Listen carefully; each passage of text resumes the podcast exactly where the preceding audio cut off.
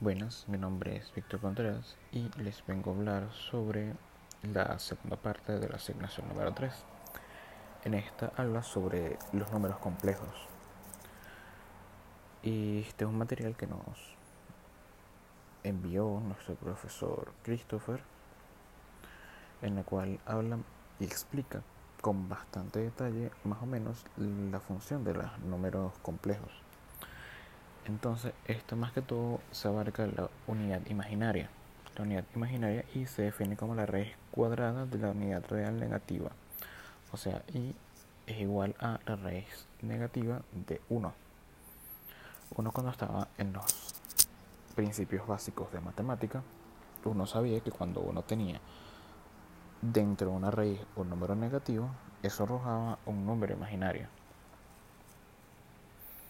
Entonces, este, al tener el cuadrado de la unidad imaginaria, cuando tú le sacas el cuadrado a eso, el resultado es la unidad real imaginaria.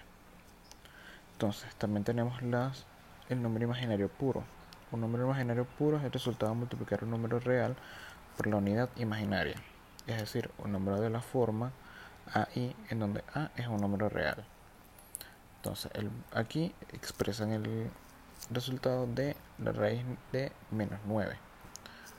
Una resolución fácil de esto es la raíz de 9 por la raíz de menos 1, que esto sería igual a 3 imaginario. Porque ya sabemos que cuando una raíz está dentro negativa, arroja el número imaginario. Entonces, claro, para estos números imaginarios le afectan también todos los demás propiedades tenemos la conmutatividad y también la asociatividad. Pero también tenemos productos de, números de dos números imaginarios. El producto de números imaginarios se tiene multiplicando los factores reales y cambiando el signo del resultado. Entonces, por ejemplo, obtengo el producto de los dos números imaginarios 3i y menos 2i. La respuesta de esto sería multiplicar estos dos. 3i por menos 2i va a ser igual a menos 3 por menos 2, que va a ser igual a 6. Y del número normal. Entonces tenemos también números complejos. Un número complejo es la suma de un número real y un número imaginario. Es decir, un número en la forma z igual x más imaginario de y, en donde x y y son números reales. z es la componente x, perdón, es la componente real de z. O sea, los reales de z es igual a x. Y es la componente imaginaria de z. O sea que y pertenece a z, que es igual a y.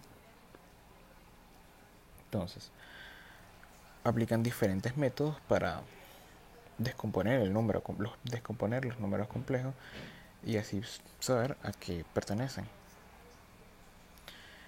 Este ensayo, bueno, este trabajo explica bastante bien este, lo que tiene que ver con números imaginarios, lo cual en universidades o incluso bachilleratos no sé,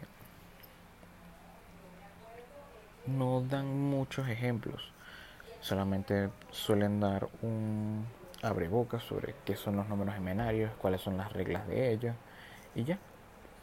Pero aquí por lo menos también tenemos representaciones geométricas y polares de, los, de estos números. Entonces tenemos los planos complejos, que el dominio de los números complejos se representa mediante un plano cartesiano en el cual la abscisa y la ordenada de un punto corresponden respectivamente a las partes reales e imaginarias de un número complejo. O sea, estos son tópicos que nos dan en muchas cosas. También tenemos la forma polar la representación de un número complejo en forma polar o trigonométrica se obtiene expresando el módulo de z como el radio r. Y el argumento θ es el ángulo que forma el vector con el eje x, en donde resulta la expresión de z igual x más imaginario de y igual a r por coseno de θ más el imaginario de seno de θ, que es lo que ya hemos visto antes eh, con otras formas de coordenadas cartesianas a coordenadas polares. También tenemos funciones analíticas de variable compleja. Una guía realmente muy llena que ayudaría a cualquier, cualquier persona que esté estudiando ingeniería, esté estudiando economía, esté estudiando contabilidad. Es un material que de verdad te puede ayudar de muchas maneras, porque las matemáticas son para eso, generan habilidades y herramientas para uno poder resolver eh, ecuaciones complejas, eh, resolver problemas de la vida cotidiana. Entonces, la aplicación inmediata de estos conceptos sea en el estudio del potencial complejo. Una vez comprendidos los conceptos de las funciones de corriente y potencial de velocidades y estudiando este folleto, dada la función potencial complejo de un flujo de un plano, todos debemos ser capaces inmediatamente de obtener las líneas de corriente, las líneas equipotenciales y el campo de velocidades, descomponer un potencial compuesto en potenciales de flujo simple y asimilar otros conceptos de mayor nivel.